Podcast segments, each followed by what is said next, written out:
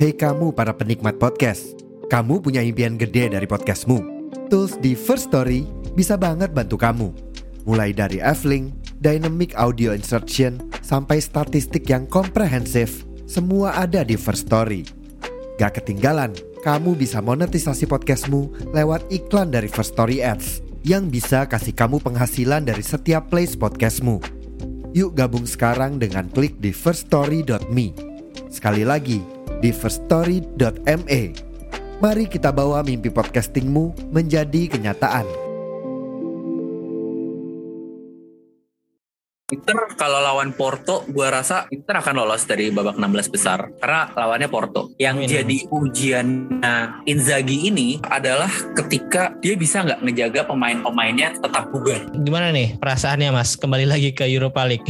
Trauma sebenarnya gua tuh sama Europa League asli. kenapa kenapa tuh? Craven Cottage 2010. Tapi Juve kalau misalnya bisa juara Europa League musim ini, itu bakal ngedeketin Sevilla, tim terbanyak juara.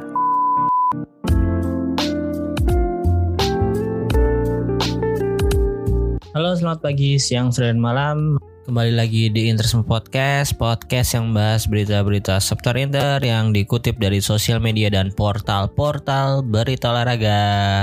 Halo, apa kabar teman-teman semua? Kayaknya sih kabarnya sama Mutil lagi nggak baik-baik aja nih. Karena ya kita tahu sendiri semalam Inter habis kalah dari Juventus dengan skor 2-0 di Allianz Stadium. Dan untuk memperingati kekalahan Inter, kalah kok diperingatin. Gua langsung nih menghadirkan salah satu konten kreator, punya podcast juga namanya Signora Podcast.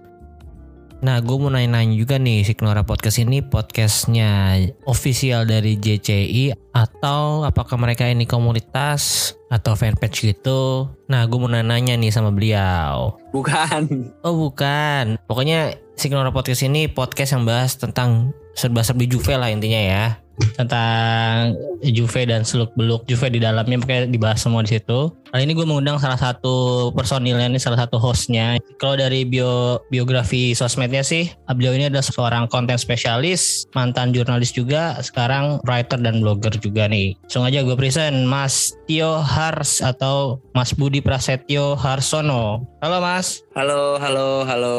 Halo, nah ini kalau tadi kan gue salah nih kayaknya menyebut mendeskripsikan Signora Podcast. Kalau Signora Podcast sebenarnya ini eh, podcast yang dibentuk oleh siapa aja ya mas ya? Oke, jadi si Nyora Podcast ini sejarahnya sebenarnya lumayan panjang ya. Dulu itu di awal-awal Twitter muncul, itu ada satu akun namanya Signora 1897 sesuai tahun lahirnya Juve. Nah, waktu itu selain Twitter, mereka ini punya website juga signora1897.com gitu. Saat itu gue masih kuliah dan gue itu pembaca setianya mereka. Terus gue juga sempet beberapa kali nulis di situlah collab di websitenya si Senior 1897 ini. Terus sekitar 2013 atau 14 itu tiba-tiba nggak aktif si Senior 1897 ini. Dan ya mereka-mereka ini bisa dibilang dedengkotnya Juventini Twitter di Juve lah. Terus sampai suatu hari gue ada kontakan sama salah satu eh, pentolannya si Senior 1897.com ini namanya Om Ricky Darmo. Terus gue ajak ke beliau, Om eh, masih ingat nggak? Ya akhirnya kita ngobrol-ngobrol, catch up. Terus gue ajakin, Om gimana kalau si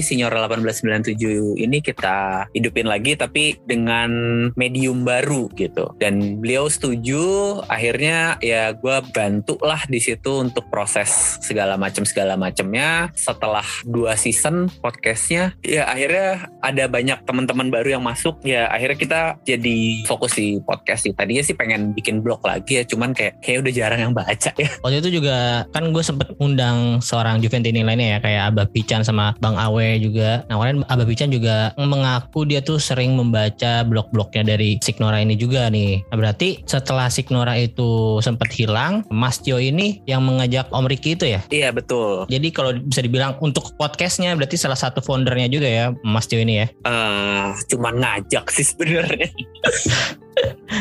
Kalau sekarang untuk member atau hostnya udah ada berapa mas? Ada siapa aja? Eh, ada gua, Om Riki, terus ada Bro Adit dulu berapa kali sempet nobar bareng tuh zaman-zaman nobar sama dia. Hmm? Terus ada Om Anjar, ada Halvin, sama ada Edo. Edo itu jurnalis juga. Terus si ada lagi Nugi. Nugi itu salah satu jurnalis kawakan juga. Bahkan dia pernah foto bareng sama Buffon yang bikin kita semua iri gara-gara ngeliput. Tapi Buffonnya di PSG sih untungnya nggak di Juve. Jadi ya ya udahlah. Itu waktu Terus? ICC ya? Iya ICC dia ngeliput ke sana waktu itu. Hmm. Terus sama Pican. Member terbaru berarti ya Abah Pican ya? Iya, Pican, Nugi sama Edo itu baru masuk di season ini. Berarti total 8 ya? Atau eh Bentar, Om Ma- Mas Tio, Om Riki, Bro Ah. Adit, Ah, Nugi, Nugi, Abah Pican, ah, Bro 5 tuh. Tadi siapa lagi? Gue lupa. Edo, Edo, Alvin, Alvin, udah ya? 7 ya berarti? udah, ya Nah, tujuh. tujuh. Nah, itu kalau misalnya mau ngetek tuh berarti setiap episode tuh beda-beda berarti Om sejauh ini. Iya, biasanya kita mainin expertise sih. Jadi kayak misalkan lagi pengen kita bikin episode yang agak seger gitu ya. Kita bisa pakai biasanya yang tag itu Pican sama Anjar sama Hmm. Halvin gitu. Hmm. Kalau misalkan pengen bahas dari sisi finansial itu biasanya Edo sama Om Riki sih biasanya. Terus kalau pengen bahas taktik itu biasanya bisa gue, Nugi sama sama kalau pengen bahas hal-hal di luar finansial dan luar lapangan tuh biasanya Adit. Kita bagi-bagi ini sih biasanya. Oh, berarti eh, inilah ya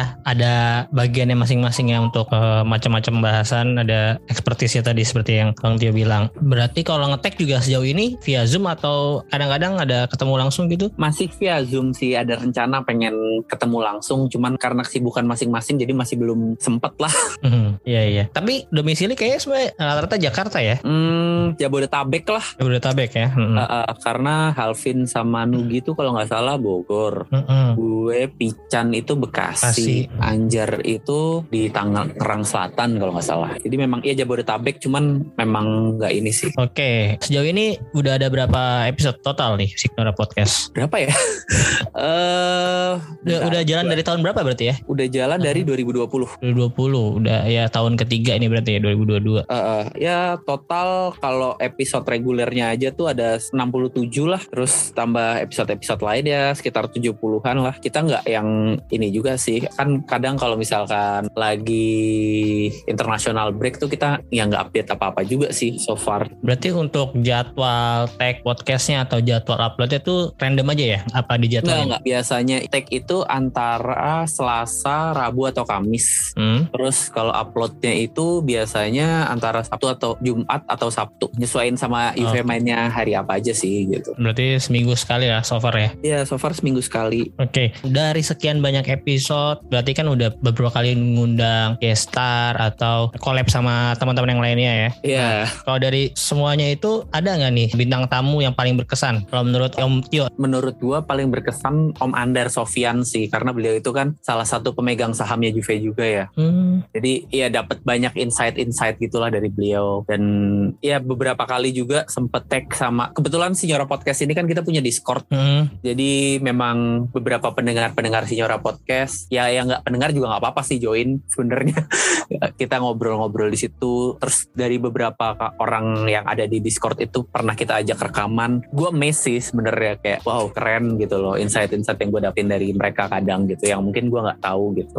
Oke oke. Kalau itu kan tadi Pak Andar Sofian itu salah satu pemegang saham di Juve ya. Kalau dari public figure gitu, artis-artis atau teman-teman yang ternyata oh dia ngefans juga sama Juventus, ada lagi nggak? Ya itu sih kayak Pican, Awe gitu. Eh gue ini juga Pican akhirnya bisa join itu suatu ya nggak nyangka juga sih gue. Maksudnya kayak kita kan biasa dengar podcastnya dia gitu ya kadang. Terus tahu-tahu ada di tim yang sama cukup menyenangkan sih, cukup termotivasi sih. Oke. Nah, sebelum kita membahas pembahasan selanjutnya tentang Juve dan Inter, mungkin kali ini gue mau berkenalan lebih dekat dulu nih sama Mas Tio. Boleh ceritain sedikit nggak nih awal mulanya menjadi Juventini itu gimana? Awal mulai jadi Juventini. Eh, cuman karena satu nama sih sebenarnya. Siapa tuh, Gua Mas? pada lu Aldi ya? Aldi, iya. ha. Kenalan Iya. juga ya, salam kenal ya Mas. Gue Aldi Iya, nih. salam kenal ya. Cuman karena satu orang yang kalau bisa gue itu selebrasinya lidahnya dikeluarin. Dia Iya. kayak nomor punggung 10. Mm-mm. Rambutnya, Ah, rambutnya. rambutnya kadang dulu sih waktu itu masih gondrong ya. Iya, gondrong agak ikal-ikal gitu ya. Iya.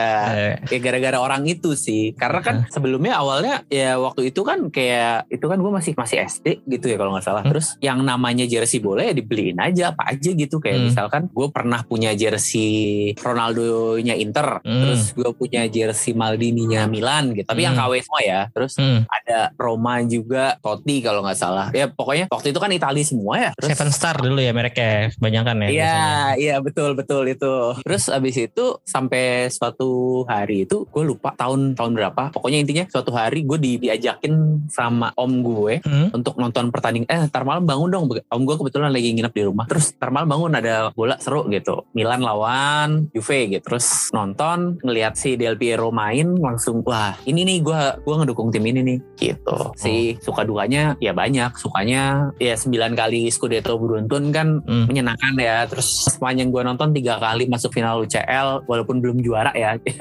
Cuman ya cukup menyenangkan juga lah. Kalau dukanya ya ah 2006 2007 gak usah dibahas deh di sini ntar Iya. bakal panjang. Heeh. gak usah dibahas di sini. Pokoknya ya dukanya 2006 2007 terus 2009 2010 dan 2010 2011 Ya. dan dua musim terakhir ini sih.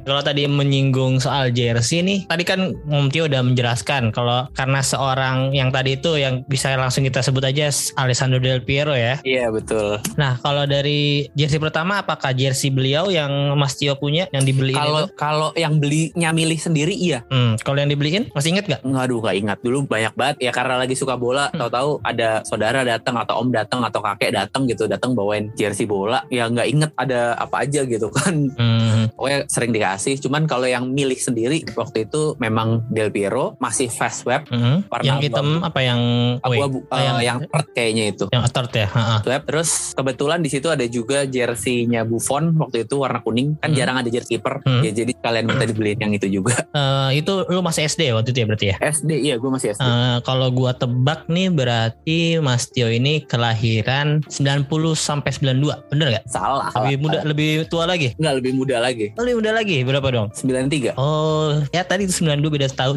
beda setahun lah ya. Iya, beda tahun tetap aja. Berarti sama gua kebetulan bedanya 2 tahun doang nih. Gua 95 kebetulan Mas. Oke. Hmm, jadi itu tadi pertandingan pertama Milan Juve di tahun 2000 berapa? 2004. Nah itu gue nggak inget tuh, nggak nggak Oke. kayak di bawah itu deh. Karena Oh. pas final UCL Milan Juve tuh gue udah dukung Juve. Oh, oh, oh. oke. Tadi kan udah pemain yang bikin jatuh cinta udah jelas pasti Alessandro Piero. Terus eh, jersey pertama juga. nangis loh pas dia cabut. Oh iya pasti ya pasti semuanya kayaknya eh, kemarin juga Aba Pican, Bang Awe itu ya sangat menyayangkan ya pas Alessandro Del Piero cabut tuh. Nah apakah lu sempet itu kan berarti lu umurnya juga belum terlalu dewasa ya saat itu? Ah, Itu lu berpikir untuk berpindah klub nggak? Karena kan jagoan lu tuh udah nggak di situ nggak di Juventus. Sempet nggak Ah. berpikir kayak gitu? berpindah klub enggak, cuman jujur sempet ada kepikiran, bukan kepikiran sih. Gue sempet ngelakuin, gue males-malesan nonton Juve. Kayak ya udah kalau lagi sempet nonton, kalau enggak ya udah gitu. Malah lebih sering nonton tim lain waktu itu gitu. Cuman nggak sampai yang berpindah. Apa ada keinginan pengen berpindah klub gitu sih? Sama sekali nggak ada kalau itu. Cuman ya itu aja, cuman agak males aja. Terutama di satu musim pertamanya itu sih, satu musim pertama setelah Del Piero cabut dan 2012 Ah, ini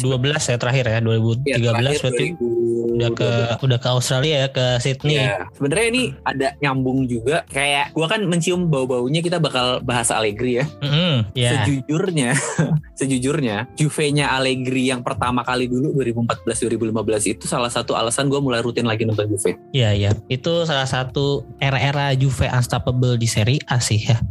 Enggak sih, karena sebenarnya Udah- iya iya dan enggak sih karena Udah mulai ya, Conte- maksudnya itu awal mula kebangkitannya lagi sampai strict ke 2020 Sebelumnya ya. kan si Conte juga udah tiga kali tuh strict Heeh. Uh, ya walaupun ketika gue lihat gue ngerasa di situ aduh Conte ini timnya udah mentok gitu dia udah nggak bisa ngembangin tim ini lebih jauh lagi gitu kan terus tahu-tahu dia cabut Allegri masuk gue lihat beberapa pertandingan oke tim ini bisa jadi something gitu. Dan ya bener aja kan waktu itu hampir treble kan di musim itu. Oke, nah langsung nih setelah kita berkenalan dengan Mas Tio, gue mau bahas pertandingan yang semalam aja nih. Kita ngetek tanggal 7 November ya Mas ya, jadi te- tepat Ya. setelah Juve melawan Inter eh, Ya. dini hari tadi jam 2.45 mulainya. Dan sayang sekali untuk pertemuan pertama ini Inter harus mengakui keunggulan Juventus yang menurut gue bermain sangat klinis ya. Peluangnya sebenarnya nggak berbeda jauh tapi ya Inter juga banyak menyia-nyiakan peluang kalau menurut gue Sebenarnya Inter menurut gue menguasai pertandingan loh malam itu. iya apalagi di babak pertama ya kalau Apalagi di babak gue ya. pertama betul, Hmm, betul. kalau dari kacamata Om Tio nih bagaimana pertandingan semalam Gua berpikiran pertandingan semalam itu gua ngelihat sekilas Allegri yang dulu. yang dulu Gua ngeliat gimana sekilas Hmm. Allegri yang dulu. Allegri yang sekarang ini kan menurut gue dia kadang suka maksain idenya dan segala macem gitu ya. Kalau dulu itu kan dia adaptif kan. Ya mungkin lu ingat lah beberapa kali Inter udah unggul dari Juve terus di babak kedua sama Allegri dibalikin dulu. Yang dulu Hmm. ya yang pertama Hmm. gitu. Ya kalaupun Juve-nya nggak menang paling nggak jadi imbang gitu. Jadi nggak jadi kalah gitu kan. Allegri ini buat gue dia salah satu master taktik dan pembaca permainan yang jago. Cuman dua musim belakangan ini itu nggak kelihatan. Dan Hmm. baru di pertandingan semalam itu gue ngerasa gue ngeliat lagi sisi itunya Allegri gitu. Karena gue ngeliat mainnya di babak pertama gue ngerasa ah aduh ini gue nggak kayaknya nggak yakin gue tega nonton deh. Karena keserang terus keserang terus dan Hmm. gue merasa beruntung aja gitu nggak ada bola yang sampai masuk ke gawangnya Chesney semalam. Gue yakin kalau misalkan di babak pertama ada satu gol aja hasilnya bisa beda. Dan di babak kedua itu yang menurut gue terjadi perubahan adalah ketika Allegri menginstruksikan pemain-pemainnya untuk benar-benar bermain efektif dan itu kelihatan sih di babak kedua dan gol-golnya kan rata-rata juga counter lah Hmm, ya, yang pemain ya. Inter belum siap iya Hmm. pemain Inter yang belum siap segala macam gitu memanfaatkan kelengahan-kelengahannya pemain-pemain Inter untuk bikin gol gitu. Oh dan satu lagi sih menurut gua semalam itu kelihatan banget gua memang nggak terlalu sering nonton tim selain Juve gitu ya. Cuman gua suka lihat highlight dan segala macam lah ya. Gua ngerasa semalam itu terekspos sekali bahwa gua nggak tahu ya bener apa nggak correct me if I'm wrong ya mas. Ya. cuman gua ngerasa bahwa terbukti Simone Inzaghi ini adalah pelatih yang miskin taktik. Ya, ya banyak sih yang bilang. Dari Interisti pun banyak yang menganggap itu sih. Jadi nggak salah juga. Dan kalau lu perhatiin lagi di babak pertama itu kan Juve pakai skema 35-1-1 kan. Ya. Fabio Miretti di belakangnya Milik. Mm-mm. Oke. Di babak kedua, lu ngeh atau enggak Miretti itu agak ditarik ke belakang dan dia diminta untuk nge-marking gelandang Inter yang ikut maju ke depan gitu. Kalau nggak Hmm. salah Miki atau Calhanoglu gitu. Iya. lupa. Jadi jatuhnya Juve itu kayak main pakai 3-6-1 di babak kedua. Hmm, oke. Jadi perubahan-perubahan itu yang sebenarnya kalau dilihat kan Juve nggak ada pergantian pemain sampai menit 80-an kan. Tapi skemanya yang berubah, perannya yang berubah. Iya sih. Berarti kalau bisa lu bilang nih salah satu faktor utama Juve bisa menang semalam Allegri-nya ini ya yang kembali Allegri melakukan melakukan pergantian strategi sebagai reaksi dari strategi lawan gitu ya. Iya betul. Hmm. Itu ditambah dengan Inzaghi nggak punya plan B. Ya. Ditambah lagi ya di babak pertama Inter nggak bisa memanfaatkan peluang. Ya setuju itu. Banyak sih kalau Banyak kita kalau gue lihat tuh 9 Dzeko terus Dumfries yang free banget itu sebenarnya Ya, dari Dumfries, Barella. iya. Mm-mm, itu sayang banget sih. Lautaro juga sempet deh kalau nggak salah. itu tuh. ya Lautaro di babak kedua tuh juga yang one on one sama Sesni. Kalau dari sudut pandang Interisti ya kayaknya gue udah udah yakin itu bakal diblok sama Sesni sih. Karena Hmm. Lautaro tuh biasanya justru gol-golinnya di kondisi-kondisi yang agak sulit gitu. Kalau yang free-free gitu malah nggak gol. Oh gitu. ya itu sih Eh. paling kalau menurut gua karena Miretti dia agak kemundurin dari tadi ya trequartista dia suruh jadi apa ya mungkin filter pertama kali ya dari Iya, serangannya itu sih. Iya mungkin itu strategi yang sangat ampuh banget ya karena dalam beberapa pertandingan terakhir nih trio gelandang Inter Barella, Calhanoglu, Mkhitaryan ini sangat fluid dan lagi on fire sebenarnya. Jadi keputusan Hmm. Allegri menginstruksikan Miretti menjaga salah satu atau mem- memarking dari bawah benar eh dari atas benar-benar dari lini pertahanan Inter tuh cukup efektif ya karena menghentikan atau menyumbat lah menyumbat aliran bola Aliran bola ke depan. Iya, itu kayaknya salah satu yang bisa dijadikan strategi tim-tim lawan juga sih kalau lawan Inter dengan formasi gelandang yang tiga-tiganya ini kreator semua sih bisa dibilang ya. Karena Barella juga long Yes. ballnya beberapa kali beberapa pertandingan terakhir ini oke gitu. Terus Calhanoglu yang udah bisa bertransformasi jadi DMF yang baik sempat tinggal Brozovic yang cedera mulu. Walaupun Aduh, semalam udah iya. mulai bermain ya si Brozovic itu. Brozovic. Kenapa? Ya Brozovic sebenarnya bagus tuh salah satu pemain Inter yang gue suka, yang gue pengen lah. Mhm. Yang kemarin kan Brozovic juga main beberapa menit terakhir ya, kayak kalau nggak salah Iya. 81 baru dia masuk dan ya udah dalam posisi ketinggalan jadi nggak nggak memberikan impact yang berarti lah ya. Mm-mm. Walaupun hampir tuh kalau misalnya Zeko di ya menit berapa tuh bisa ngasih terupas yang benar ke Brozovic, mungkin bisa nyolong satu gol kayaknya sih. Nah kalau dari pertandingan semalam pemain MVP-nya siapa? Apakah Philip Kostic yang menyumbangkan dua assist atau sebenarnya si Danilo yang kemarin lagi bermain bagus juga di pertahanan Juventus? Kalau buat gue sebenarnya nggak ada pemain yang menonjol banget ya di pertandingan semalam itu. Cuman justru gue suka karena tim ini bermain sebagai tim. Sesuatu yang udah hilang selama ya semenjak dipegang Pirlo lah. Bahkan akhir-akhir era kepemimpinan Sari pun tim ini udah nggak bermain sebagai tim gitu. Dan gue suka sih. Ya mungkin kalau misalkan suruh pilih mungkin Kostik dengan dua assist ya atau Fagioli mungkin yang Hmm. menurut gue Fagioli ini keberadaannya begitu dia main gitu ya. Tadi ya kan McKennie mulu yang main sebel banget gue liatnya. Ya dia memberikan hasil di dua match terakhir gitu kan. Jadi mungkin Fagioli kali ya. Apalagi Dua- ditambah dia selebrasinya kayak Del Piero kan semalam. Oh iya sih.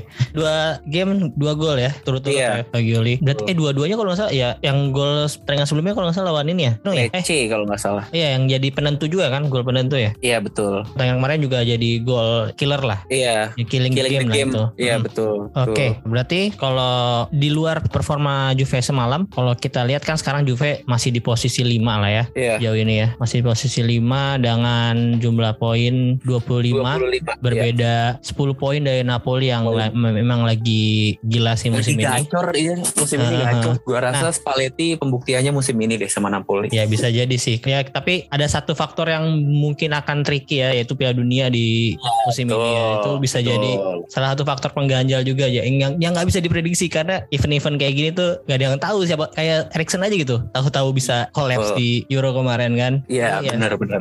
ya kalau misalnya gak ada apa-apa amit-amit gitu kan ya kayaknya sih Napoli bisa menjuarai Serie A setelah beberapa tahun lamanya itu ya di musim ini. Hmm. Nah, itu kan eh, Juve kalau dibilang eh, lagi jelek atau lagi menurun sih, ya gua nggak tahu kalau menurut dari sisi Interisti mungkin iya ya karena dibandingkan eh, tiga musim lalu, empat musim lalu itu Juve ya nggak semenyeramkan itulah kalau dari sudut pandang Interisti ya. Saat ini udah kalah dua kali, seri empat kali, menang tujuh kali, walaupun kebobolannya paling sedikit nih, hanya tujuh Ya, gol. betul. Nah itu mungkin salah satu ya hal yang positif lah ya dari Allegri musim ini. Nah tapi kalau dari sudut pandang Juventini dari Mas Tio nih, apakah agak menurun musim ini atau beberapa musim terakhir? Gue sering bilang ke Juventus yang lain, Juve itu lagi dalam fase rebuild bahwa kita memang dulu berjaya 9 musim Scudetto beruntun. Tapi setelah itu kan pemainnya rata-rata pensiun atau pindah gitu kan. Nah sekarang ini strateginya Juve ini berbeda dibanding sebelum-sebelumnya. Kalau sebelumnya lebih suka beli pemain dari luar, sekarang ini lebih suka promosiin pemain-pemain mudanya gitu ya. Jadi kayak musim ini aja tuh ada beberapa pemain muda yang bersinar gitu kan. Selain Fagioli yang udah tadi kita sebutin ada Miretti juga, terus ada Iling juga gitu Hmm. kan. Bahkan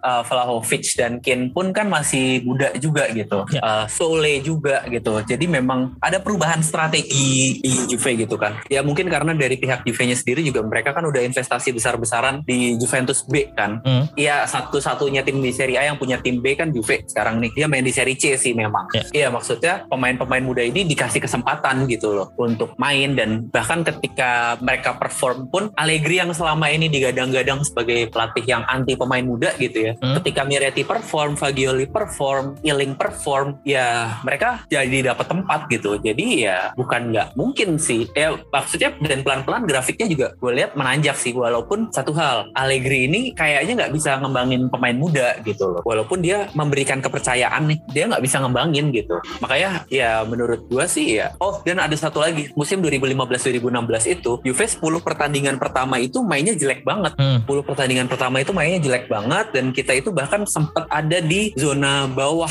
zona bawah eh, mendekati degradasi malah peringkat 13, 14 atau 15 sekitar segitu deh. Tapi setelah pekan ke-10 menang beruntun dan akhirnya Scudetto musim itu. Jadi ya kita nggak bisa lihat sih dan balik lagi kayak yang tadi lu bilang bahwa ada faktor X Piala Dunia ini Hmm. gitu. Oke, berarti kalau secara klasmen, secara poin eh, saat ini Juve tertinggal dan kayaknya dari dibandingkan musim lalu juga poin di Giornata 13 ini lebih sedikit ya. Iya. dibandingkan- Cuman sisi positifnya itu tadi apa pemain kalau musim Ya. lalu kan masih pakai pemain-pemain yang Ah, tua ah. gitu ya. Iya musim ini banyak pemain muda yang bisa masuk ke tim utama dan itu tadi apa kebobolan paling sedikit di Serie A musim ini. Hmm. Nah, kalau dari hasil itu, apakah lu di tim Allegri stay atau Allegri out nih? Kalau sejauh ini ya, sejauh dengan performa Juve yang sekarang. Oke, kalau buat gua pribadi gini, hmm, Allegri kalau untuk sekarang gua Allegri stay sampai akhir musim ini. Paling nggak itu, karena ganti pelatih di tengah musim itu bukan tradisinya Juve. Dalam berapa puluh tahun, 40 tahun terakhir kalau nggak salah, itu cuma ada satu pelatih yang diganti di pertengahan musim, Ciro Ferrara. Dan gua lihat juga ada perbaikan, paling nggak sampai akhir musim. Di akhir musim nanti dilihat lagi mungkin ada siapa yang available. Kalau misalkan oke, ya ya menurut gue kalau cuman sekedar Scudetto doang, maksudnya Juve Scudetto, tapi di luar itu setelah akhir musim ternyata ada pelatih bagus yang available, mungkin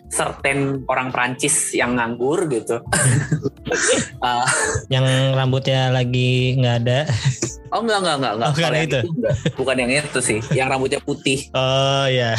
Siapa tahu nganggur gitu kan Eh. katanya Piala Dunia si orang Prancis ini bakal nganggur kan. Ya mungkin kalau beliau available boleh lah Allegri out aja sih kalau cuma Scudetto doang. Hmm. Karena pertimbangannya adalah ganti pelatih di, di tengah musim itu juga resikonya terlalu besar ya. Ya, setuju, setuju. Dan di luar itu ya kan kalau ganti nggak mau lah gue gantinya di Matteo atau Guidolin gitu.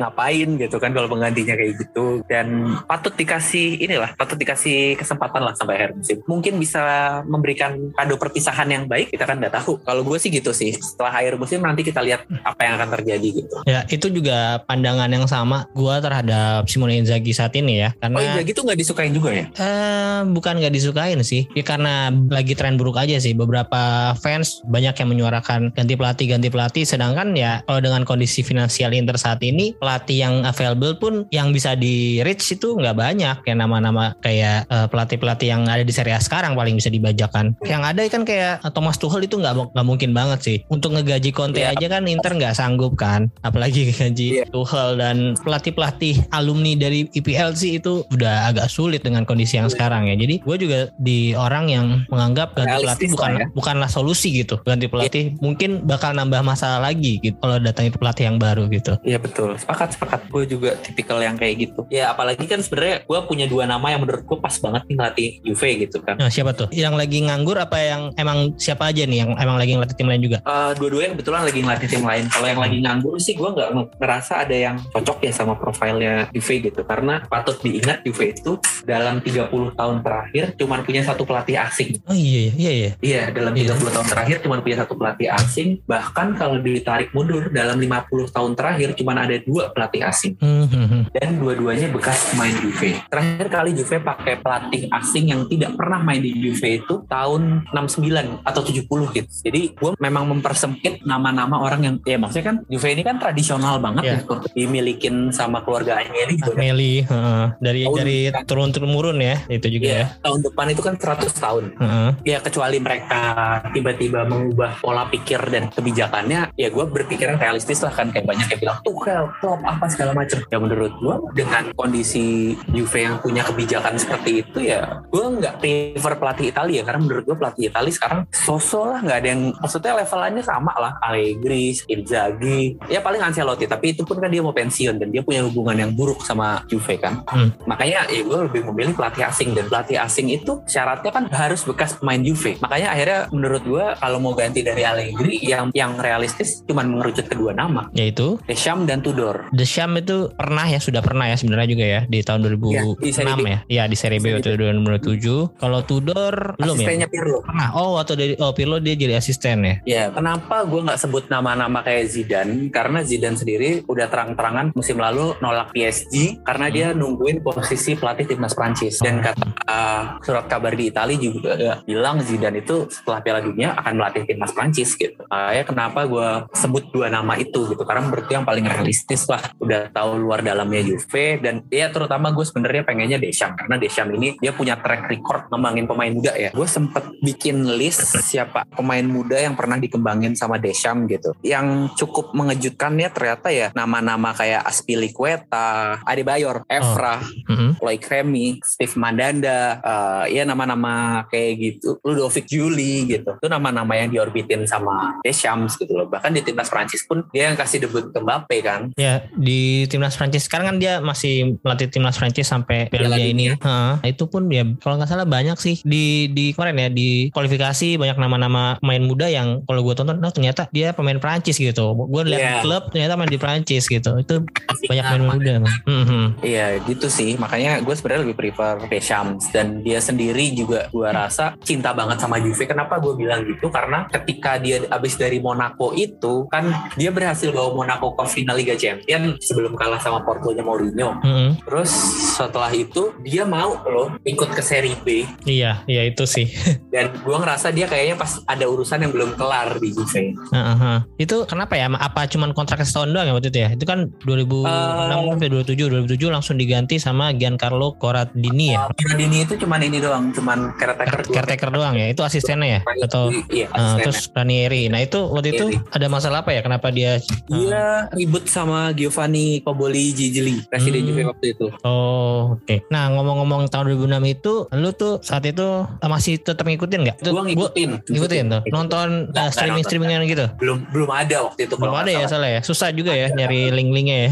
Gue coba ngikutin dari, lu tahu koran soccer nggak sih? Ya, heeh, heeh, tahu kok. Masih sering langganan dulu. ya, koran soccer itu ada pojok kecil. Jadi kan dia dibagi per liga kan Premier League, La Liga, Hmm. Seri- di Serie A bawah pojok kiri bawah itu ada kolom kecil namanya Juventus Corner. Nah udah gue ngikutin dari situ doang. Oh, iya Jadi iya. kita recap gitu tuh apa aja yang terjadi sama Juve selama sepekan terakhir gitu. Oke, nah tadi udah menyinggung pemain muda nih. Juve beberapa pertandingan terakhir juga, kalau menurut gua komposisi pemain muda sama senior ini lumayan oke. Beberapa nama nih ada kayak Fabio Meredi tadi, Fagioli, terus Federico Gatti, Mattia Sule, terus yang ngasih asis kemarin siapa tuh yang as, lawan? Iling. Iling. Kemarin nggak ada di ini ya, nggak ada di Dia squad cedera. ya? Oh lagi cedera ya. Nah pemain-pemain itu dari Juventus Akademika atau emang dibeli ya pemain-pemain ini? Eh, Sole ini dia eh, pemain home groundnya Juve. Dia waktu umur kalau nggak salah 16 tahun atau 15 tahun gitu. Dia orang Argentina. Dia memutuskan hijrah ke Italia untuk masuk akademinya Juve. Hmm, Nah, kalau si Fagioli ini dia putra asli Turin. Wah, Kayak Marci berarti ya. dulu. Iya, dia kayak Marcisio dulu. Dia bahkan dulu tuh Hmm. bo- boy-nya Juve gitu. Ball boy, iya iya. Kalau Miretti ini dia bukan dari Turin tapi dari provinsi Piedmonte juga kalau nggak salah. Hmm. Jadi memang putra asli juga gitu. Kalau Iling ini tadinya dia itu jebolan akademi Chelsea. Terus begitu dia masuk profesional, dia tidak dikasih kontrak kalau nggak salah sama Chelsea. Terus akhirnya dia dibawa sama Juve buat dimasukin ke akademinya Juve. Hmm. Satu lagi ada Caio Jorge juga tuh ya, dari Brazil kalau nggak salah. Ya, kayak Jorge itu kalau dia dibeli, kalau dia dibeli. Oh, Oke. Dibeli. Nah, sejauh ini kan sering banget tuh mereka dimainin. Apakah itu Allegri terpaksa dalam tanda kutip karena banyak pemain cedera ya kayak Pogba, Cecilio, Paredes, McKennie, ataukah memang Iya. pemain-pemain tersebut layak gitu? Sebenarnya sebelum pemain-pemain itu cedera, pemain-pemain senior itu cedera, para pemain muda ini udah dapat kesempatan, cuman mungkin memang tidak starter. Kayak Hmm. misalkan mereka main di menit 70, menit 80 gitu. Cuman ternyata ketika pas dimainin kok bagus gitu. Terus ya akhirnya bahkan Miretti pun kan sebelum badai cedera ini melanda Juve dia udah ya udah lumayan sering starter kan. Kalau Fagioli memang baru-baru ini gitu. Bahkan sejujurnya banyak Juventini itu yang tadinya ragu sama Fagioli karena dia dianggap punya gaya bermain yang tidak sesuai dengan kebutuhannya Allegri gitu. Dia kemarin tuh lebih ke winger atau emang gelandang yang suka melebar aja sih? Dia gelandang yang suka melebar memang. Oh. Dia tuh kan pas di akademi itu trequartista. Heeh, tapi di sini karena strateginya Allegri dipasangnya seperti kemarin gitu ya. Iya, Allegri itu kan walaupun suka pakai trequartista tapi dia tidak pernah pakai gelandang kreatif sebagai trequartista. Zaman dulu itu trequartistanya adalah Vidal. Ya. Kayak pemain yang bukan pemain kreatif kan Mhm. jatuhnya sebenarnya. Ya, jadi Allegri memang suka pemain-pemain seperti itu di trequartista trequartista. Makanya sekarang pun yang dipasang di trequartista Miretti kan, bukan Fagioli. Berarti dengan komposisi yang seperti ini apakah lu sebagai Juventini udah cukup seneng nih? Karena udah sesuai sesuai dengan apa yang tadi lu bilang kan Juve lagi rebuild berarti otomatis harus memasukkan beberapa pemain-pemain yang akan menjadi masa depan Juve. Nah, kalau dengan komposisi sekarang udah cukup oke okay kah? Gua rasa untuk pos terutama gelandang ya udah cukup oke okay sih. Paling tinggal nunggu Rovella musim depan balik dari pinjaman di Monza karena hmm. menurut gua sekarang Juve yang kurang itu seorang regista dan Rovella ini kebetulan regista. Iya iya. Jadi menurut gua ya dengan kalau musim depan Rovella balik dia pemain muda Juve juga hmm. kan itu hmm. harusnya bisa lebih lengkap lah timnya gitu. Cuman yang gua sorotin adalah skema tiga backnya Allegri ini pemain-pemain muda terutama di posisi winger ya kayak Iling atau Sole itu gua takutkan tidak akan atau sulit berkembang. Karena mereka ini kan winger. Tapi karena pakai 352 atau 3511 itu kan jadinya jarang main kalaupun gitu pakai bukan di formasi posisi normal ya posisi natural ya gitu ya. hmm, bukan di posisi naturalnya betul. Makanya itu menurut gua ya butuh skema yang lebih cocok untuk mereka lah. Sama ya itu Ciesa juga jadi nggak nggak maksimal iya, di iya, skema iya. ini gitu. Iya kemarin setelah Ciesa maksudnya gua nggak tahu eh, apakah strategi Juventus atau memang setiap Juventus main seperti kemarin nih? Karena kemarin tuh kayaknya mainnya di kiri mulu ya. Ditumpuk dulu semuanya. Tuh Chiesa di situ Di Maria di situ Philip Kostik di situ. Apakah itu emang strategi untuk membardir sisi kanan Inter yang memang diisi Dumfries atau memang setiap pertandingan Juve bermain seperti itu? Enggak enggak setiap pertandingan bermain seperti itu. Balik lagi ke yang tadi gua sempat bilang bahwa Allegri ini tipikal pelatih yang mengincar sisi lemah dari lawannya. Mm -hmm. cuman ketika ya kayak kemarin itu akhirnya kan Chiesa-nya nggak maksimal kan. Hmm. Nah, terus kebetulan hari ini tanggal 7 semua tim yang berlaga di Eropa ya sudah diundi untuk ke babak kalau di UCL babak 16 besar, kalau UEL tuh 16 apa 32 dulu ya? Oh, playoff dulu playoff. ya? Mm-hmm. Nah kebetulan tadi Inter udah diundi ketemu Porto, sedangkan Juve juga di Europa League udah ketemu FC Nantes ya. Iya betul. Kalau dari Mas Tio untuk Juve nih di Europa League, kayaknya dia dalam beberapa tahun terakhir ini yang pertama kalinya ya main di Europa League. Terakhir kali nah, Juve ya? main di Europa League itu pas masih dilatih kontak 2011 11 ya? Enggak enggak 2013 eh 2014 sorry. Terakhir kali waktu itu berhenti di semifinal kalau terakhir ya terakhir ya. Ya 2014 yeah. terakhir kayak konten kan 2014 eh 2015 musim selanjutnya udah Allegri itu kalau nggak salah. Iya yeah, udah Allegri betul. Oh, oh, oh, ini gimana nih perasaannya mas? Kembali lagi ke Europa League. Trauma sebenarnya gue tuh sama Europa League asli. Kenapa kenapa tuh? Craven Cottage 2010 kandangnya, kandangnya Fulham. Fulham ya? Ada momen apa di situ? Di situ Juve ketemu Fulham. Mm-hmm. Juve di mana yang nggak mikir alah gampang ini mah. Terus ujung-ujungnya dibantai 4 satu sama Fulham. Di second leg ya, agregatnya lima empat betul iya, ya. harusnya bisa lolos waktu itu gitu loh. Mm-hmm, Imbang berarti... pun udah lolos gitu kan. Ya kita ngeliat di atas kertas lah, Juve waktu itu masih ada Del Piero, Trezeguet, mm-hmm. Diego Ribas. Oh iya. Sedangkan Fulham siapa sih? Terus tiba-tiba mereka mereka aja di waktu itu kalau nggak salah di musim yang sama dibantai MU 5-1. Ya kita ngiranya kayak ah ini mah udah easy lah gitu kan. Itu pemainnya yang cetak gol ada Clint Dempsey, Gera terus sama Bobby Zamora ya Fulham oh, dulu ya. Gera ya. Uh, pemainnya oh. ada Damien Duff. Ah, lu bayangin aja pemain-pemain kayak gitu loh kalau dibandingin sama squad Juve waktu itu sih ya. Maaf maaf ya, paling enggak squad yang sama musim sebelumnya kalau nggak salah top 3 Serie A kan. Mm-hmm. Ngeselin sih. Ya jadi ada trauma tersendiri gue sama Europa League itu. ada satu nama yang masih main di Juve musim ini dari squad itu yaitu Pinsoglio. Apa ini Pinsoglio yang beda ya? Enggak enggak sama sama. Sama kok. ya. Berarti dia dari dulu udah. Dia lulusan akademi juga kok. Dan ada ini juga nih, ada Antonio Candreva juga nih yang di pertandingan itu main. Oh, Candreva masih di Juve ya musim itu. Mm -hmm. Pinjaman doang kalau nggak salah. Uh, terus kartu merah dua pemain, Zebina sama Fabio Cannavaro. Aduh, Zebina emang tukang kartu merah sih itu. iya sih, ini ya namanya juga apa sih uh, Europa League ya? Mungkin ini juga Juve-nya nggak menurunkan uh, line up terbaik juga ya, karena pemainnya yang diturunin Cimenti kipernya. Terus oh, Buffon cedera waktu itu. Iya Buffon cedera. Makanya ada uh, Bisoglio di cadangan. Bahkan di Fulham itu ada ada pemain Roma sekarang mas. Siapa tuh? Tapi nggak main waktu itu Chris Smalling.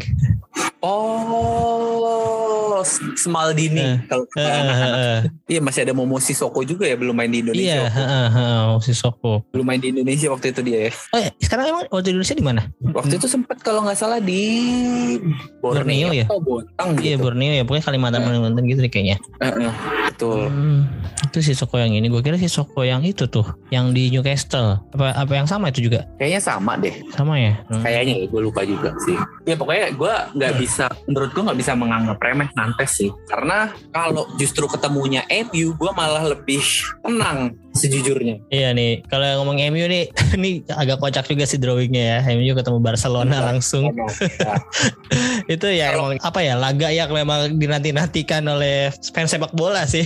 Iya, MU ketemu Barcelona di Europa League itu kan kocak.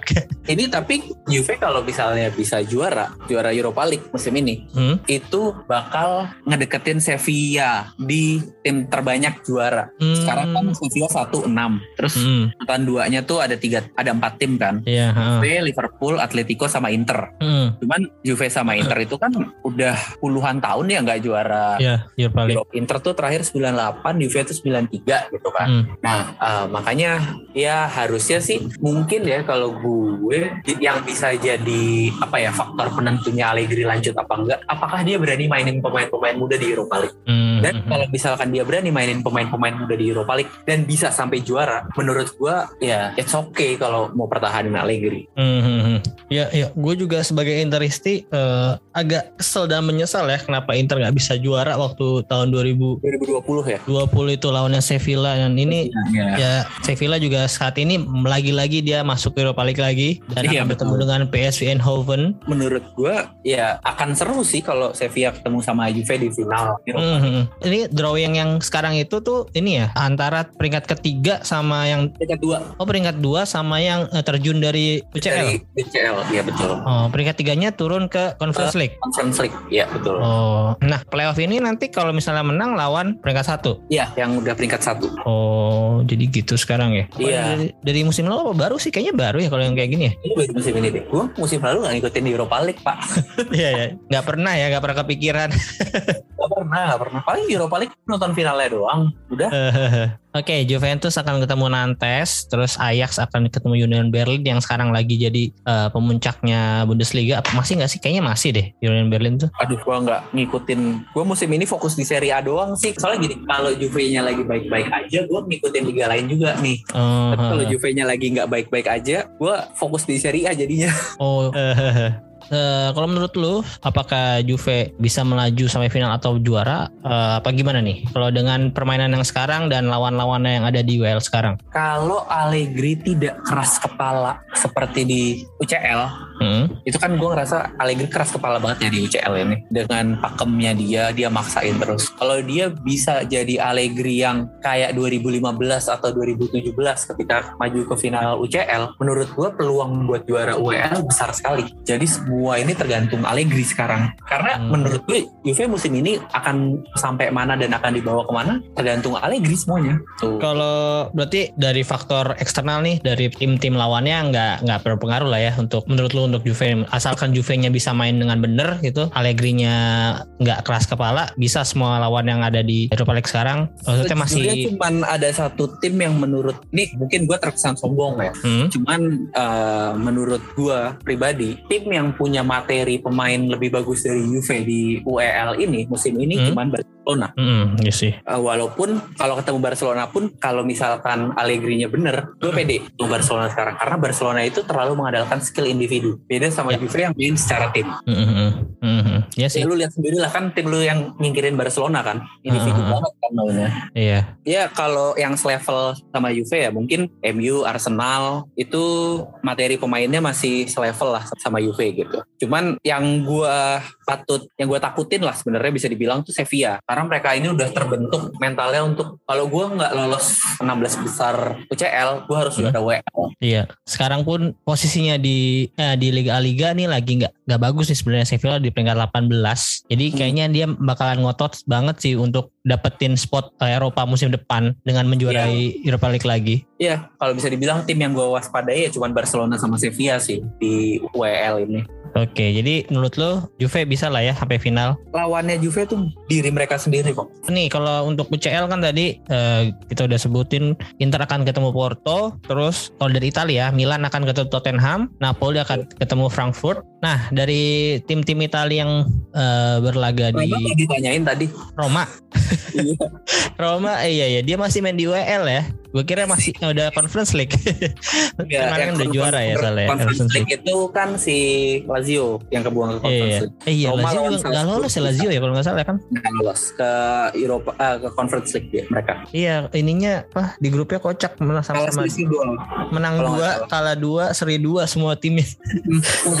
Ya, Roma juga akan bertemu Salzburg nih eh, di WL. Roma ini ya sebenarnya di atas kertas materi pemainnya Roma tuh bagus-bagus loh. terutama Bagus kalau depan. musim ini. Nah, heeh. cuman nggak tahu kenapa kayaknya Mourinho nggak bisa ngeramunya ya. Iya, kayaknya emang Mourinho tuh eh, ya pelatih yang kalau punya pemain bag- bagus malah bingung sih. Kayak waktu di Manchester United, waktu di Real Madrid. Madrid pun ya udah dikasih main segitunya tapi kayaknya di La Liga cuma berapa kali juara kan dia waktu Iya. Mourinho justru kan. Terus kalau di UCL kan tadi ada tiga tim tuh yang masih Iya. angkah nih. Kalau untuk Inter dulu nih, kalau menurut lu Inter bisa sejauh mana mas? Lawannya Porto nih, Inter kalau lawan Porto, gua rasa Inter lolos. lolos ya? Inter akan lolos dari babak 16 besar karena lawannya Porto. Yang Amin. jadi ujiannya Inzaghi ini Hmm? adalah ketika dia bisa nggak ngejaga pemain-pemainnya tetap bugar. Karena gue lihat ya Hmm. pemain-pemain kunci kayak Brozovic ya mau gimana pun mau sebagus-bagus Calhanoglu atau Mkhitaryan ya kalau Barella kan memang beda tipe ya. Tapi Hmm. Calhanoglu sama Mkhitaryan ini kan tipenya mirip-mirip sebenarnya. Ya. Menurut gue salah satu yang kurang dari ya kemarin gue lihat ketidakhadirannya Brozovic ini cukup berpengaruh untuk lini tengahnya Inter. Karena jadi nggak ada destroyer di lini tengah, nggak ada yang ngehambat aliran bola lawan di lini tengah. Ya setuju setuju sih walaupun banyak interesi sebenarnya yang memang sekarang udah agak eh, berpindah hati nih dari Brozovic ke Calhanoglu sebagai DMF ya karena kalau dari produktivitas jelas memang Calhanoglu lebih baik. Cuman kalau gua sendiri juga balik lagi ke keseimbangan tim sih. Kalau ada Brozovic lebih balance, lebih Ya, lebih ya tenang lah seenggaknya ya kalau Calhanoglu Mkhitaryan Barella kan tipe-tipe semuanya yang mungkin berbeda dikit cuman ya ketiganya tuh namanya dominan di offense sebenarnya Betul. Makanya tantangannya sih itu setelah melaju dari 16 besar ini, setelah melewati Porto ini, bisa nggak satu Inzaghi menjaga kebugaran pemain-pemainnya. Terus yang kedua, bisa nggak ya kayak Inzaghi ini punya plan B lah ketika mereka tidak bisa menerapkan Ya. strategi yang ini ya Ya. menerapkan strategi yang menerapkan utama ya strategi- utamanya kebaca sama lawan tuh ya penyakitnya Inter kan semenjak dipegang Inzaghi yang gue lihat kayak gitu ya. Hmm, hmm, hmm. Inzaghi ini mirip-mirip Conte lah sebenarnya. Tipikal Ya. pelatih yang kalau skemanya udah kebaca nggak ada plan B-nya gitu. setuju ketemu setuju ya menurut gue sih kalau misalkan ketemu tim-tim yang di atas kertas ya maksudnya gini gue inget pas Juve ke final Liga Champion 2014-2015 itu Hmm, pemainnya juga nggak bagus-bagus amat. Hmm, hmm. dan kebetulan sampai semifinal itu ketemu lawan yang bisa dibilang gampang-gampang lah. Di semifinal baru ketemu Real Madrid kan dan iya kalau misalkan Dewi Fortuna berpihak ke Inter dan Inter bertemu lawan-lawan yang mudah ya bukan nggak mungkin sih sampai semifinal. Walaupun ya gue rasa kalau untuk juara balik lagi ya dengan kapasitas Inzaghi yang seperti itu gitu Hmm. yang dia tidak punya plan B ketika rencananya sudah diketahui lawan Hmm, gue rasa untuk juara sih masih belum ya hmm. cuma Ya, bisa melaju sejauh mungkin. Dengan catatan ya itu tadi Dewi Fortuna balik lagi kan. UCL itu keberuntungan. Setuju setuju. Kalau kita lihat dari bagannya sih ini kan ada empat tim yang ketemu langsung di babak 16 besar nih. Empat tim besar nih. Liverpool ketemu Real Madrid PSG ketemu Bayer. Otomatis kan sama Dortmund ketemu Chelsea lah. Kita bisa anggap itu eh, tim yang menyulitkan di maksudnya big match di 16 besar ini gitu. Berarti kan otomatis di babak 8 besar tiga tim berat akan gugur. Otomatis ya Nah sisanya nih kayak Milan Tottenham itu kalau gua rasa sih bisa Milan sih karena Tottenham ini satu lagi Conte di Eropa nggak terlalu bagus rekornya. ya betul that's Terus- why ketika Juventus lain minta Conte balik gue nggak mau Oh iya sih. Karena Juve kan ya targetnya udah bukan Serie A lagi, sekarang udah harus menatap ke Eropa kan ya. ya betul Mm. Betul. Eh, selain itu juga Tottenham kan di Inggris kompetisinya banyak eh dan ya skuad dia nggak dalam-dalam banget menurut gua. Pasti dia akan terpecah sih. Jadi nggak bisa 100% sih kalau di UCL menurut gua ya karena dia di Premier League juga posisinya masih di atas, dia pasti akan mau mempertahankan di empat besar mungkin ngejar juara kalau bisa Iya bahkan ya. Terus untuk Napoli Frankfurt gue rasa Napoli sih. Ya. Jelas sih. Ini ini kayaknya Napoli lagi oke banget. Frankfurtnya juga ya so-so lah. Nah, menurut gue sih kalau dari sudut pandang Interisti ya, lawan besar tuh yang paling realistis sih. Kalau dengan Inter yang sekarang ya. Ya betul. Karena sih. balik lagi di delapan besar kan nggak tahu ketemu siapa. Heeh, Kalau karena ketemu City, Madrid atau Munchen atau bahkan PSG gitu atau Liverpool ya bisa wassalam gitu. Mm. Iya, iya. Realistisnya sih gitu. Cuman kan balik lagi kita nggak tahu pas undian itu Dewi Fortuna berpihak ke kalian apa enggak. Mhm. Tapi sih kalau misalnya Inter nggak melaju sih gue ya nggak apa-apa lah. Asalkan Napoli nih yang gue harapkan bisa melaju sejauh mungkin nih untuk musim ini nih di UCL. Justru gue di antara tim-tim Italia ini malah Hmm. feeling gue ke Milan. Gue nggak tahu kenapa Pioli itu magisnya aneh. Sentuhan tangannya Pioli itu aneh menurut gue. Mhm. Iya sih kemarin setelah dia sempat oke terus eh, eh, kalah beruntun sama Chelsea dia bisa bangkit eh, lagi tuh itu salah satu hal yang menurut gue sih oke maksudnya nggak ini loh nggak down lah mentalnya gitu Nah. di Eropa yang katanya mereka juga mereka DNA Eropa kan Eropa iya katanya. Oke, nah balik kalau tadi kan udah nih berarti di Eropa Juventus menurut Mas Tio bisa lah juara. Kalau Inter Mas Tio mungkin lawan besar ya realistis juga ya. Realistisnya 8 besar. Hmm. Ya menurut gue Porto bisa lah leg pertama di Giuseppe Meazza kan kalau nggak salah. Iya, leg pertama di GSW Meazza. Giuseppe Meazza menang, terus leg kedua bisa ya minimal seri lah. Bakal kalah juga harusnya. Ya, amin amin. Walaupun Porto juga nggak bisa dianggap remeh loh ya. Mereka nyingkirin Atletico Madrid. Iya iya itu salah satu kejutan juga di UCL musim ini ya. Hmm. Atletico nggak lolos ke UEL nggak UCL juga. Nah kalau kita balik lagi ke Serie A nih, Juve dan Inter menurut Mas Tio di akhir musim kan di posisi berapa nih kedua tim ini nih? Gua akan sangat memaklumi kalau lu akan bias atau gimana ya karena sebagai fans bola ya kita punya point of view masing-masing lah ya. Ya, di awal musim itu gue memprediksi Inter adalah salah satu pesaing terberatnya Juve untuk menangin UCL. Tapi eh untuk sorry untuk menangin Serie A. Scudetto. Cuman masalahnya ternyata di luar transfernya yang menurut gue bagus, ternyata ah, ya gue baru tahu kalau si Inzaghi ini punya masalah, dia nggak punya plan B itu, dia miskin taktik lah bisa dibilang. Hmm. Cuman menurut gue Inter masih bisa top 4 lah, peringkat 4 masih bisa lah menurut gue ya. Dan ya kalau Juve menurut gue minimal runner up lah. Walaupun ya gue pengennya Scudetto ya. Siapa sih yang nggak pengen Scudetto? Iya. Cuman kan Karena Iya, musim gua- kemarin juga sama sekali ya untuk pertama kalinya dalam beberapa tahun terakhir Juve nggak dapat trofi apa pun ya. trofi apa pun betul. Kalau nggak salah terakhir kali nggak dapet trofi apa pun tuh musim 2010-2011. Oh berarti jaraknya 10-11 tahun ya sama tahun Iya. musim kemarin. Nah makanya kalau menurut gue sih secara realistis ya kita ngeliatnya kan kondisi sekarang ya secara realistis ya. Mhm. Cuman ya balik lagi Piala Dunia itu bisa mengubah segalanya kan. Ya betul setuju. Inter top 4 masih masuk kok kalau menurut gua karena tim-tim kayak Roma aja nggak stabil terus ya apa sih yang luar pin dari Atalanta gitu kan Mhm. yang di situ-situ aja gitu. Ya paling top 4 itu Napoli, Juve, Milan, Inter. Jadi prediksi lu tetap Napoli ya sejauh ini ya dengan kondisi yang sekarang ya. dengan kondisi yang sekarang. Oke. tapi kalau Januari kita ngobrol mungkin bisa beda lagi. Januari atau Mhm. Februari kita ngobrol lagi mungkin bisa beda lagi prediksi gua. Ya ya berarti oh ya kalau Juve dalam dua tahun terakhir pun selalu ini ya hampir nggak masuk empat besar ya? Iya betul. Di pertandingan terakhir semua ya eh, penentuannya ya karena beda poinnya juga tipis-tipis nih. Satu poin satu poin semua nih. Betul. Nah. Cuman balik lagi permainan Juve musim ini walaupun nggak stabil tapi lebih meyakinkan dibanding musim lalu. Musim Hmm. lalu itu Juve nggak ada loh kita menang lebih dari 2-0. Mhm. Di musim ini ada beberapa kali kita menang besar kan. Kayak lawan Sassuolo misalnya di awal musim itu kan menang 3-0. Walaupun lebih nggak stabil tapi lebih oke lah dan balik lagi pertahanan yang kuat itu sih bisa jadi bisa jadi senjata lah. Mhm. Karena ya gue juga agak apa ya gue karena gue nggak selalu ngikuti pertandingan Juve agak kaget sih. Ternyata Juve tahu-tahu cuma kebobolan 7 gol gitu. Sebelumnya memang yang yang paling sedikit Atalanta. Eh Lazio. Lazio kalau nggak salah kemarin terakhir 11 match baru 5 gol gitu. Terus langsung digolin 3 kemarin sama Salernitana tiba-tiba kan. Nah ini yang menariknya lagi. Kan gue sempat bilang di musim 2015-2016 itu Juve sampai musim Sampai sampai, pertandingan pertandingan. ke-10 itu kan Hmm. mainnya jelek. Nah ini kan sekarang Serie A baru Giornata 13 pertandingan terakhir ini Juve menang kan.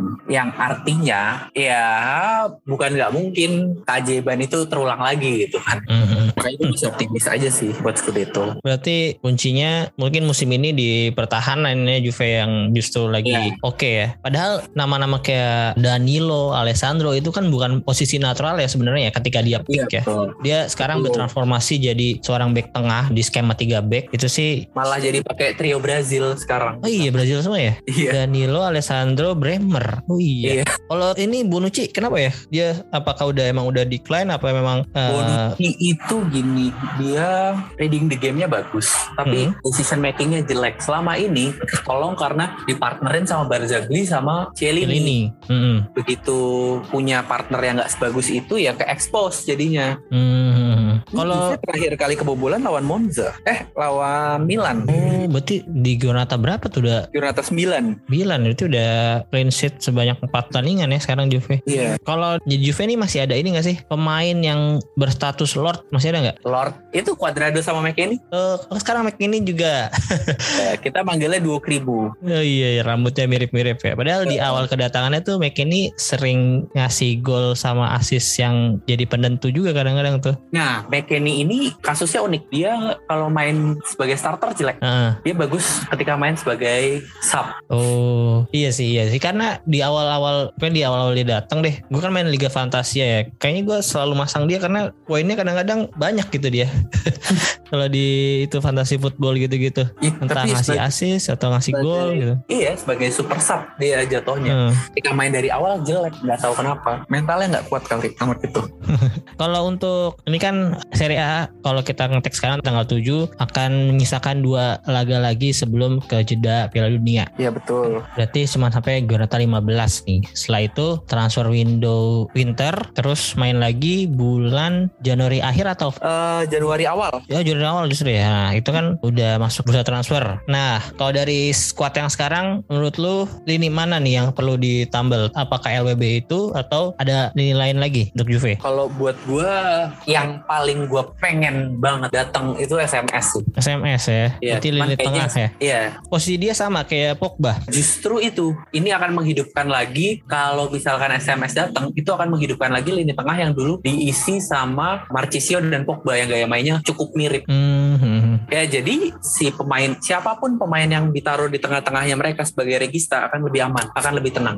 Oke. Hmm, berarti kalau kemungkinan ah, anggaplah SMS bisa dibeli Juve udah di winter transfer terus Pogba udah pulih, pasti kan menit bermain untuk main-main muda kayak Fagioli, Miretti akan berkurang nih. Itu nggak apa-apa. Ya nggak masalah. Sekarang gini, menurut gua akan lebih baik ketika mereka bersaing dengan pemain yang levelnya di atas mereka dibanding mereka bersaing dengan nama-nama seperti McKennie gitu, yang Hmm. dia levelnya tara atau di bawah mereka ya buat apa gitu. Kalau misalkan Fagioli bisa ngerebut posisi starter dari SMS atau dari Pogba kan akan lebih terasa manis, akan Mhm. membuktikan bahwa dia pemain bagus timbang dia ngerebutnya dari McKennie atau Rabiot. Iya sih. Eh, tapi Rabiot, ya gue nggak tahu ya sebagai Juventini gimana. Cuma sebagai Interisti tuh ngeliat Rabiot ini pemain yang walaupun nggak bagus-bagus banget, tapi efektif aja sih. Gue fans Rabiot. Terus juga ternyata, tapi banyak yang nggak suka kan Iya sama betul. Rabiot ini. Rabiot ini gini, dia itu pemain yang cuma bisa dikasih satu peran dan dia akan bagus ketika dia dikasih peran itu. Tapi ketika dia disuruh memainkan peran lain, dia nggak bisa. Dia bukan pemain yang versatil gitu. loh. Oh iya sih. Haha. Makanya kenapa dia nggak kelihatan bagus selama di Juve karena baru musim ini dia kelihatan bagus kan? Karena dia dipasang di peran aslinya. Hmm. Musim ini dia dipasang sebagai di peran aslinya gitu. Musim lalu dia banyak dipasang sebagai sayap kiri. Zamannya Pirlo dia sering dipasang sebagai LWB. Itu kan bukan posisi aslinya dia. Akhirnya tidak maksimal. Oke. Ya. Nah, ini kan udah berapa lama nih kita ngetek nih? Udah sejam lebih malah. Nah, ini mungkin satu pertanyaan terakhir nih untuk Mas Tio. Dari Oke. skuad Inter yang sekarang, kalau bisa milih mau ngebajak, mau ngebajak siapa, Mas? Kalau dari segi talent ya, dari segi Hmm. talent jujur ngiler banget sama Lautaro. Hmm, hmm, hmm. Tapi Oh, Lautaro itu kan ya? second striker. Ya bisa sih. Hmm. Iya dia jatuhnya second striker kan. Hmm, hmm, Posisi alaminya kan second striker kan. Ah kalaupun nggak second striker dia striker murni lah ya. hmm, hmm. Nah di Juve itu sekarang kan yang dijadi yang mau dijadiin bandieranya kan Chiesa. Hmm, hmm. Menurut gua pemain dengan tipe Chiesa dan Lautaro tidak bisa ada di satu tim yang sama. Hmm, hmm. That's why Dybala dilepas. Ya. Karena Dybala sama Lautaro kan mirip-mirip tuh gaya mainnya. Hmm. Walaupun Lautaro tuh fisiknya lebih bagus ya. Ya lebih fisikal dia daripada Dybala ya. Heeh. Kalau Dybala Kayak lebih flamboyan lah Iya. kalau Dybala mah ya. Hmm. Iya, cuman kan emang gayanya gaya mainnya mirip kan sebenarnya. Mm-mm. Nah makanya nggak bisa dan gue sendiri pun setuju karena Cesa lebih modern. Tip pemain tipikal Lautaro atau Dybala itu ya paling berapa tahun lagi akan punah gitu kan. Hmm. Jadi gue tidak memilih Lautaro walaupun dari skill Lautaro yang paling gue pengen.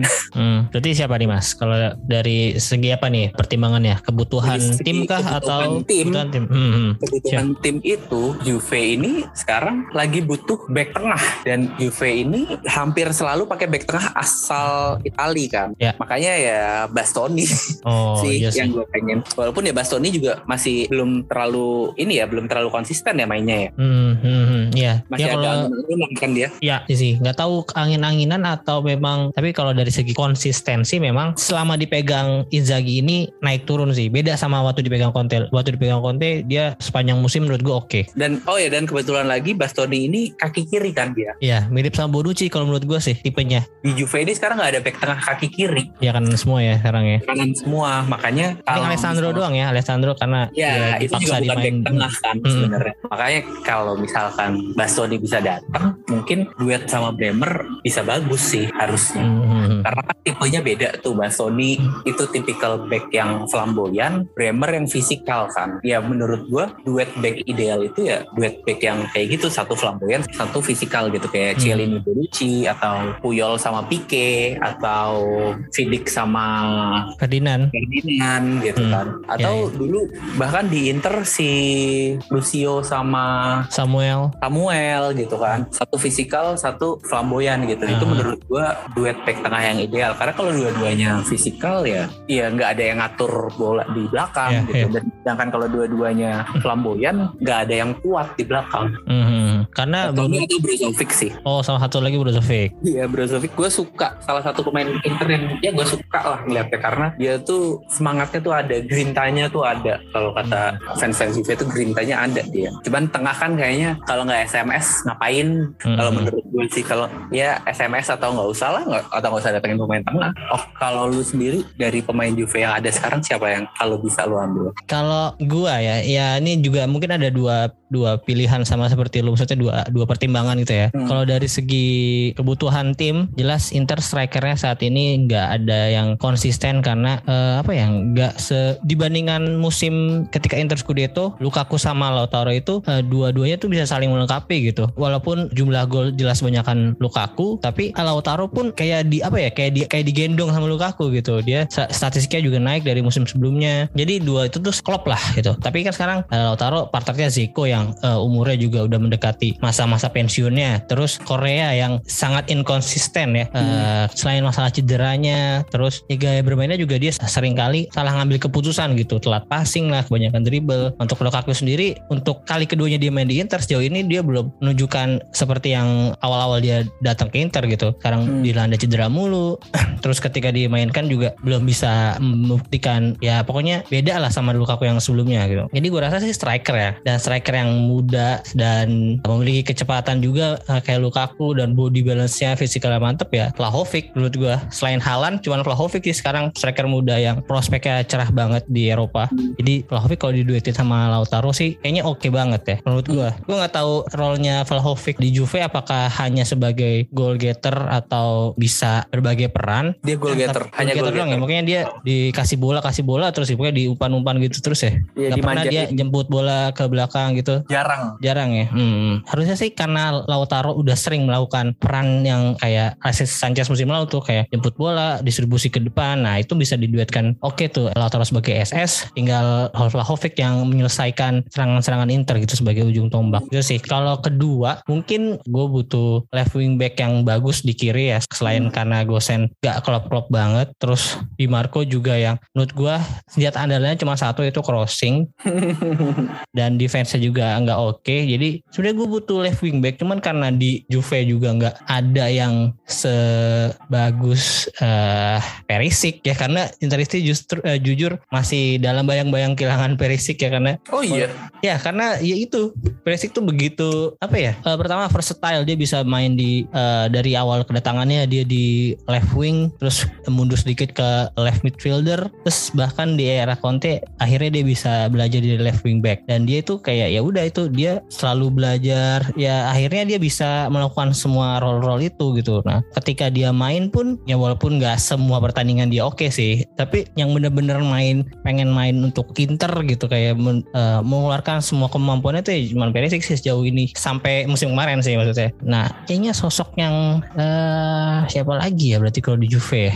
Kostik paling ya? Ah iya bener. Kostik nah Kostik sih. Karena kabarnya juga waktu bursa transfer itu kan diincer juga kan sebenarnya Kostik mungkin ya karena kalah nego-negoan harga atau gaji akhirnya lebih milih Juve. Makanya Kostik sih kayaknya kalau bisa bermain dengan role yang diinginkan Izagi akan oke okay juga sih kalau bisa ditarik ke Inter. Jadi itulah dua pemain itu juga Alfrovic dan Kostik. Ik-ik semua ya.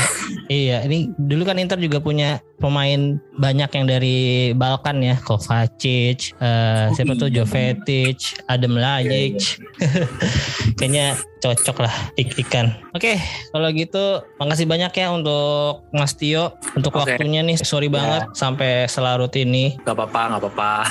ya, semoga kapan-kapan kita bisa ngobrol lagi bahkan mungkin dengan member Signora podcast lainnya ya. Amin. Amin amin. Dan ya gue juga nitip salam buat teman-teman Signora podcast terutama Om Riki. Uh, semoga ya gimana ya? Uh, ya maksudnya di skena podcast seri A gitu uh, makin banyak yang mendengarkan. Amin Amin. Makin banyak apa yang terjun juga mungkin bahkan klub-klub lain yang ada fans-fansnya yang bikin podcast. Kayak Milan kemarin Milan gue juga udah ngobrol sama dari Milanistic Culture. Terus eh, Napoli sih yang mungkin kayaknya masih sulit dicari. Apa lu ada temen nggak yang punya podcast Enggak. Napoli? Belum ya? Belum belum ada. Nah karena gue juga mau ngobrol kemarin sih udah konten-konten kan tapi sama uh, Jakarta Napoletanonya itu belum ketemu. Kalau yang bikin apa konten-kontennya itu belum nemu. Ya semoga ya makin inilah intinya makin banyak orang-orang yang yang mau membuat konten entah itu podcast atau YouTube atau macam-macam lah tentang seri A agar ya seri A amin. gairahnya lebih naik lagi. Kalau menurut amin, lu tuh, amin. lu menganggap seri A itu yang lagi top itu pas kapan? Pas itu Juve Milan final champion. Oh, berarti 2034 ya? ya? Iya kalau nggak salah gue rada hmm. lupa tahunnya. Hmm. itu sih menurut gue semua pemain terbaik dunia dari seri A waktu itu.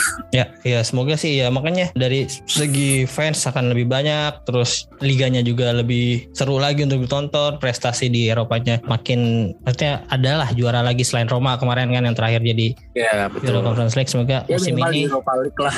Ya semoga ya uh, walaupun gue sebagai fans tim rival ya, ya gue sih mendukung semua tim Italia untuk melangkah sejauh mungkin di pentas Eropa Oke, sukses terus juga buat semua teman-teman dan seri A lah pada umumnya gitu kan. Amin amin amin. Oke, kalau yang mau dengerin Singular Podcast bisa di mana aja mas? Ada di kita baru ada di Spotify, tapi mungkin kalau mau join ke Discord kita juga bisa. Linknya ada di deskripsi Twitter sama Instagram. Twitternya apa? Kalau Twitter? Twitternya itu sama Singular Podcast juga. Namanya ya si Nyora Podcast juga. Oke, kalau gitu terima kasih ya mas. Ya sama-sama. Teman-teman juga jangan lupa untuk follow akun sosial media gue. Kalau di Twitter ada Interisme Media, kalau di Instagram Interisme Interisme Podcast. Kalian bisa dengerin Interisme Podcast di berbagai macam platform ya. Ada Spotify, Noise, sama Pogo FM sekarang juga udah ada. Terserah kalian mau dengerin di mana. Terus jangan lupa di subscribe biar kalian dapat notifikasi tiap ada episode baru. Terus sekali lagi terima kasih untuk teman-teman yang mendengarkan. Arif Dersi, Forza Inter. Vinola nah. Fine, Forza Juve. ah, Oke. Okay.